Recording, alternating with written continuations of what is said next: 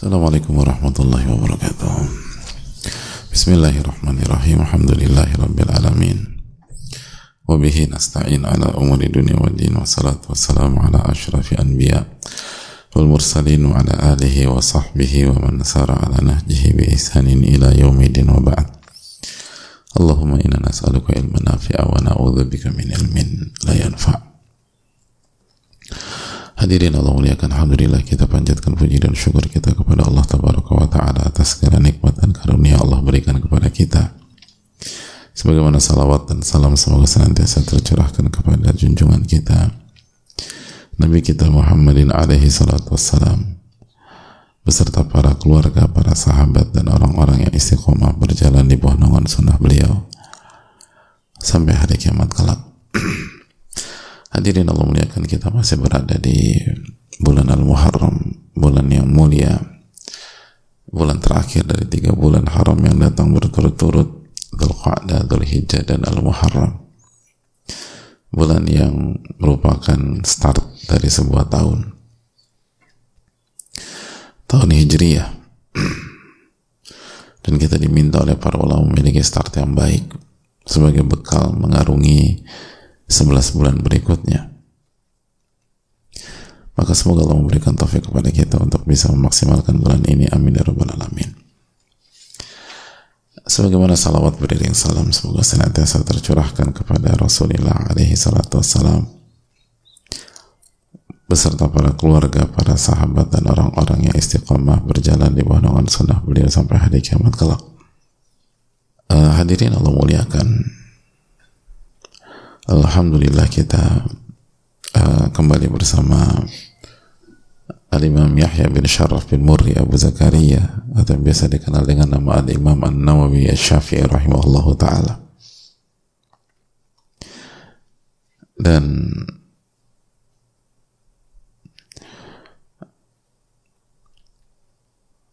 kita duduk dalam rangka mengikuti Eh, perjalanannya para ulama, para aulia, para orang-orang soleh, di mana mereka berupaya menambah iman mereka, berupaya menambah ilmu mereka, dan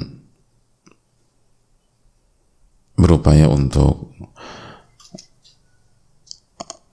uh, memperbaiki diri dari waktu ke waktu. Dan salah satu buku yang mereka gunakan untuk tujuan mulia tersebut adalah Riyadus Salihin.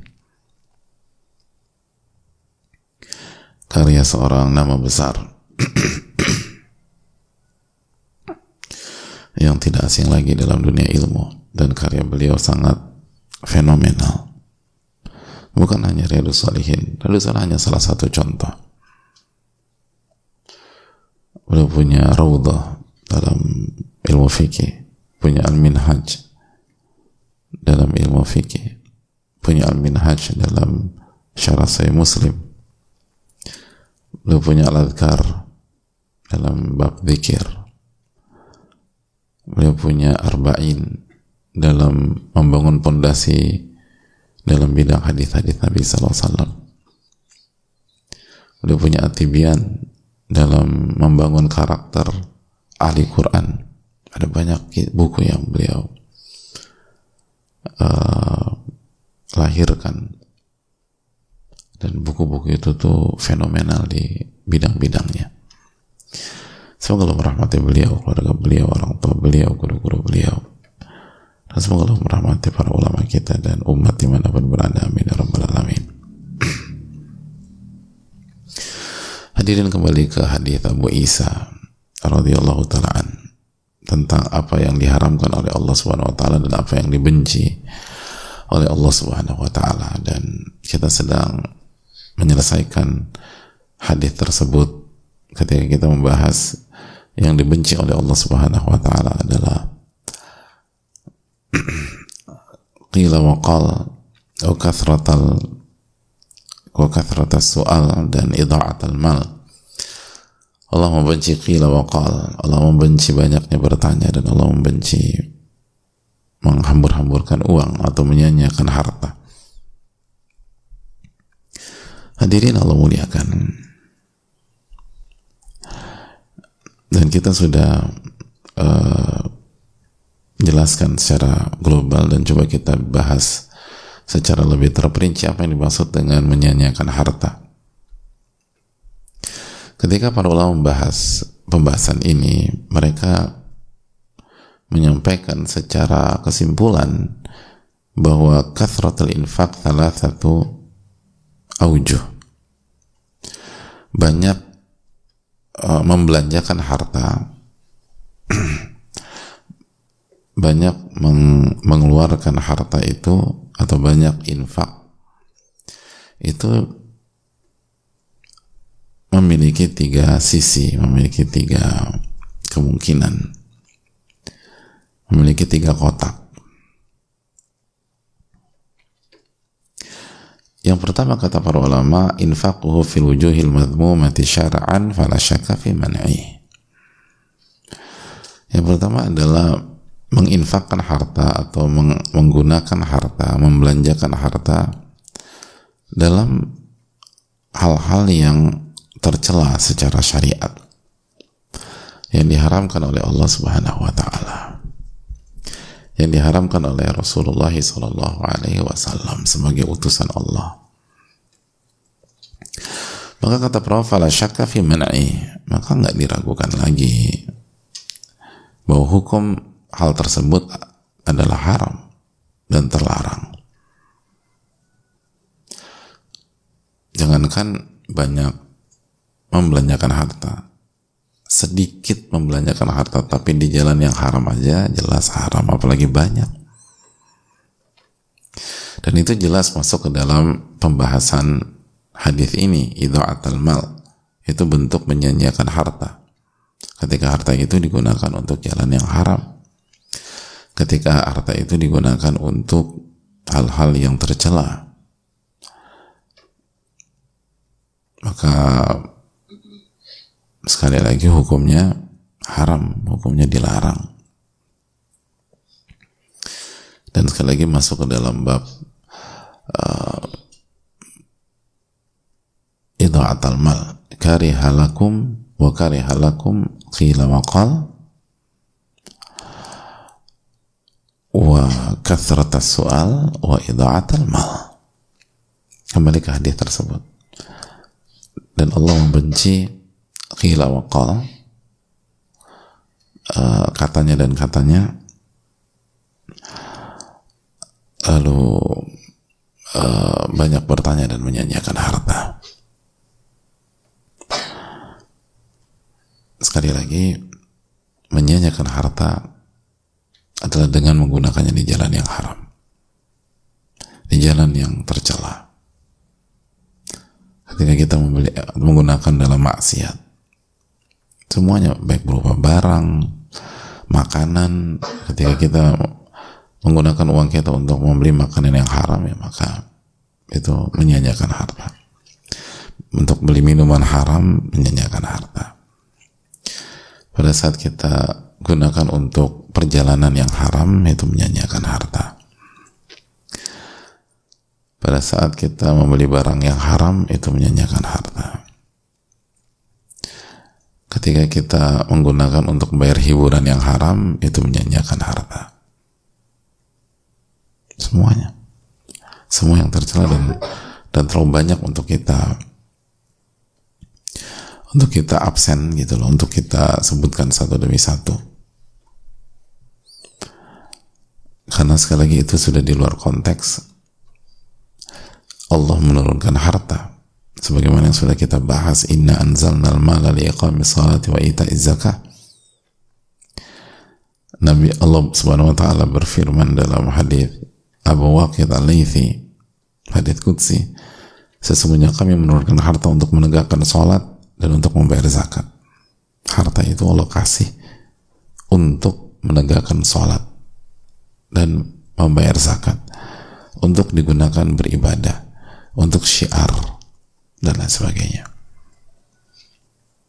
Maka begitu dipakai ke, ke hal yang haram hal yang tercela hal yang dibenci maka otomatis dilarang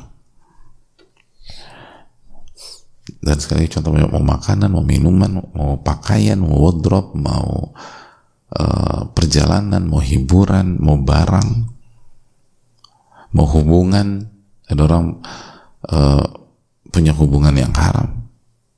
Lalu kita tahu setiap hubungan butuh modal, maka dia harus apa? Dia harus gunakan uangnya, maka itu uang adalah menyanyiakan harta. Menyanyiakan harta. Semua semua aspek yang dicela, diharamkan, dilarang, dibenci, semuanya. Kita apa kita gunakan uang kita untuk bayar paket internet lalu internetnya kita gunakan untuk hal-hal yang haram maka itu menyanyikan harta. Semua semua demikian. Ada orang um, menyewakan rumahnya lalu rumahnya digunakan untuk hal yang haram dari semua yang atau bukan menyewa rumah menyewakan rumah lalu rumah itu digunakan untuk hal yang haram. Maka semua yang menggunakan atau semua harta yang digunakan untuk hal-hal yang tercela maka dilarang. Dan kita akan dihisap di hari kiamat. Wa an malihi min aina iktasaba wa fima anfaqa setiap hamba akan ditanya tentang dari mana didapatkan uang itu. Dan ke mana dia alokasikan. Ke mana dia gunakan.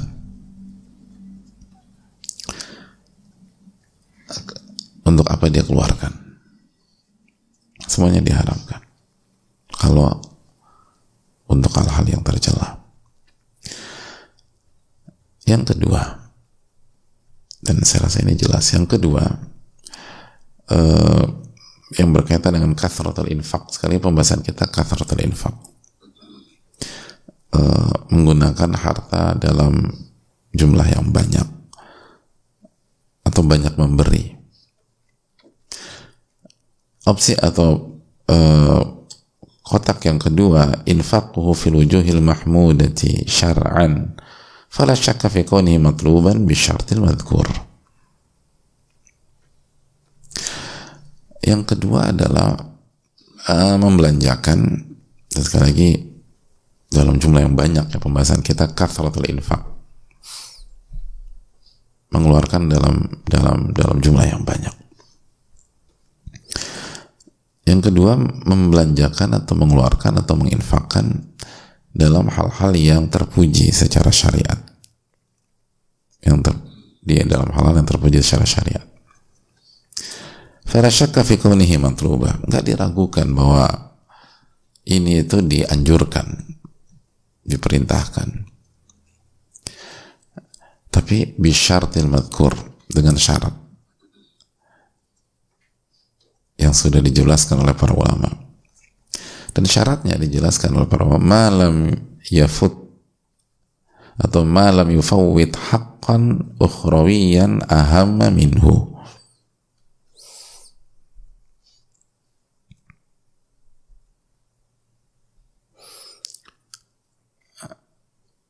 Hadirin Allah muliakan.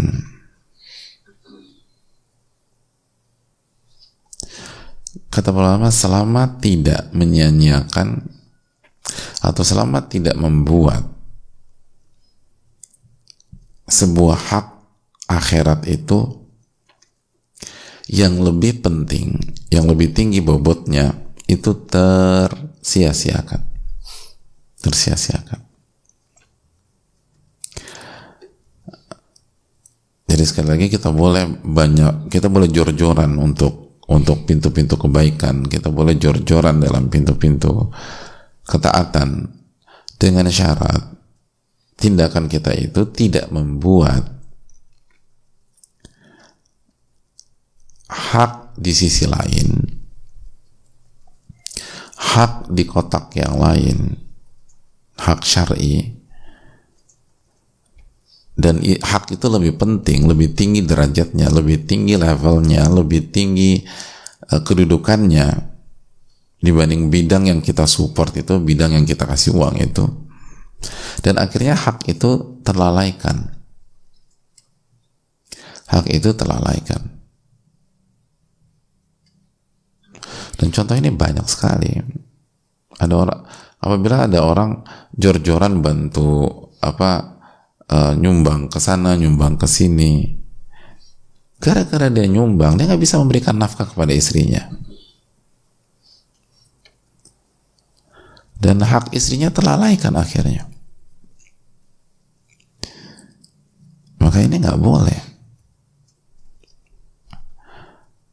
Nabi SAW mengatakan dinarun anfaqtahu fi sabilillah. Dinar ya satu dinar yang kau berikan dan kau infakkan di jalan Allah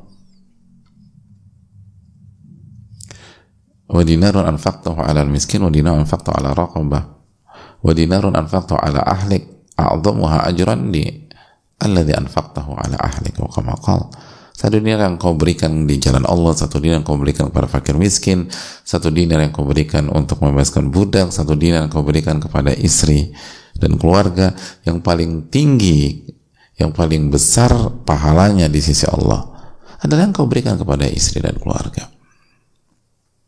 Maka apabila hak istri terabaikan walaupun dengan dalih dan alasan bantu bantu sini, bantu sana, bantu segala macam. Yang bukan tanggung jawab kita secara fardu ain. Maka ini sebuah hal yang keliru. Sebuah hal yang keliru.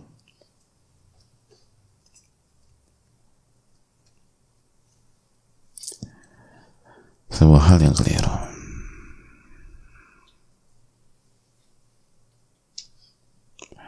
Ini hal penting.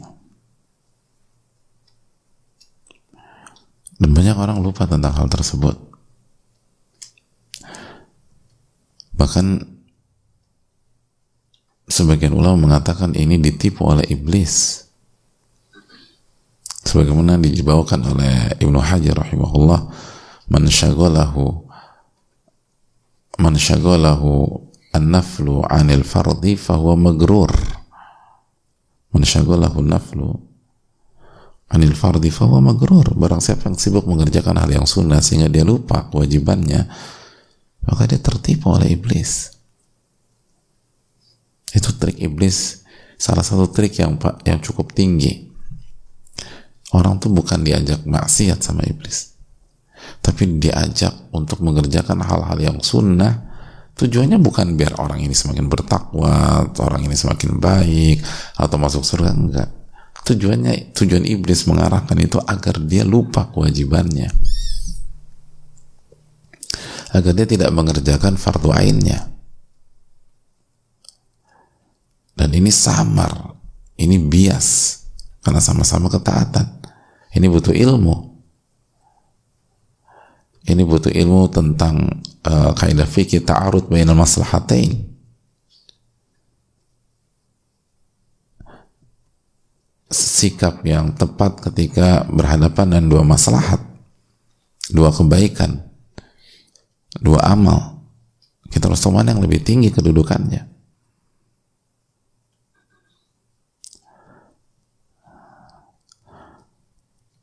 Maka hadirin Allah muliakan silakan jor-joran dalam kebaikan.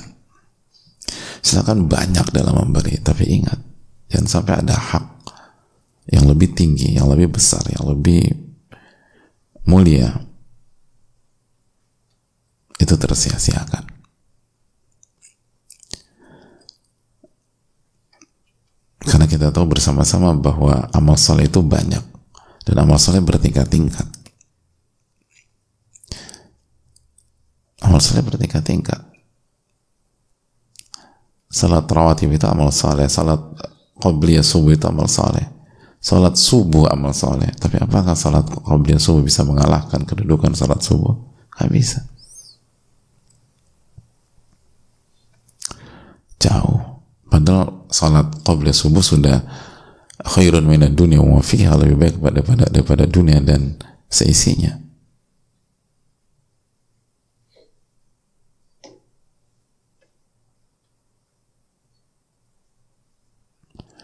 itu hal yang perlu kita camkan.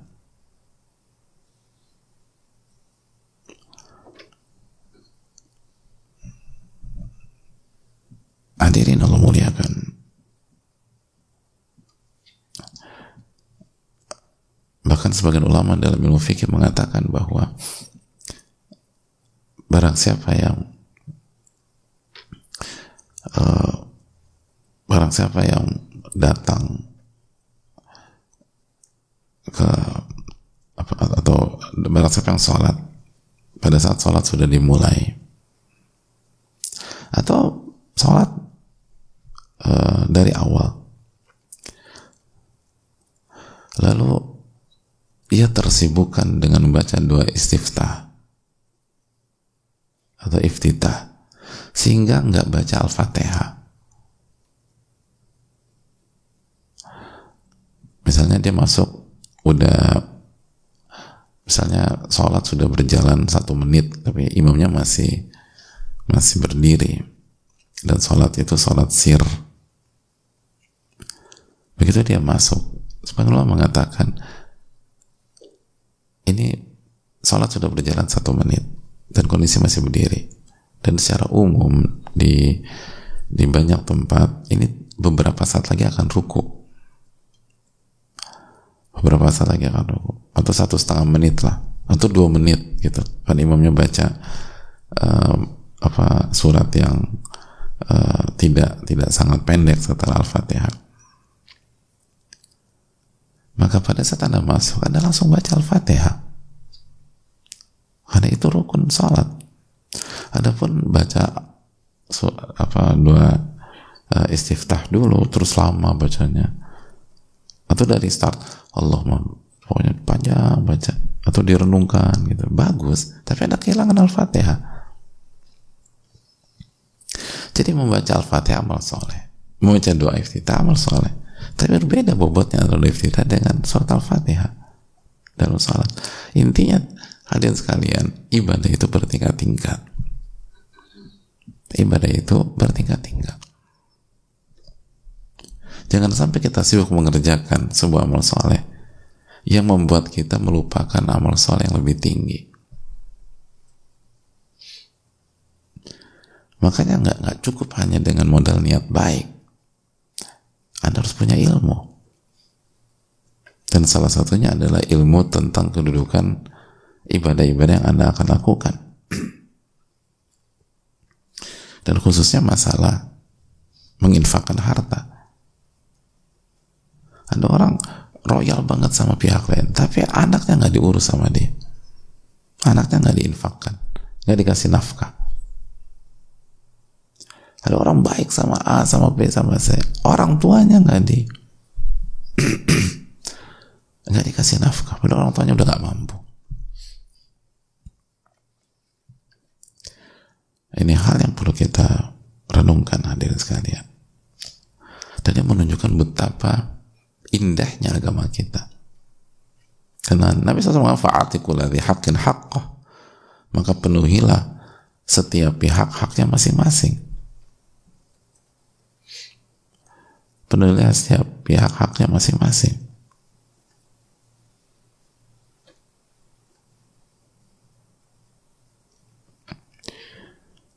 itu itu hal yang jadi bukan hanya yang penting kan baik ini kan baik kok dilarang-larang? Nggak dilarang. Nabi SAW mengatakan ibda binafsik atau akraf al akraf mulai dari diri anda lalu terdekat lalu dekat.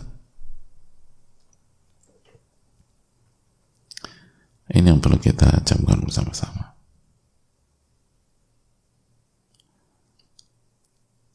Semoga Allah memberikan taufik. Saya rasa cukup sampai di sini. Dan kita akan lanjutkan lagi tentang masalah uh, hal tersebut. Tadi kita bahas ada tiga tiga tiga kotak dan kita baru bahas dua kotak.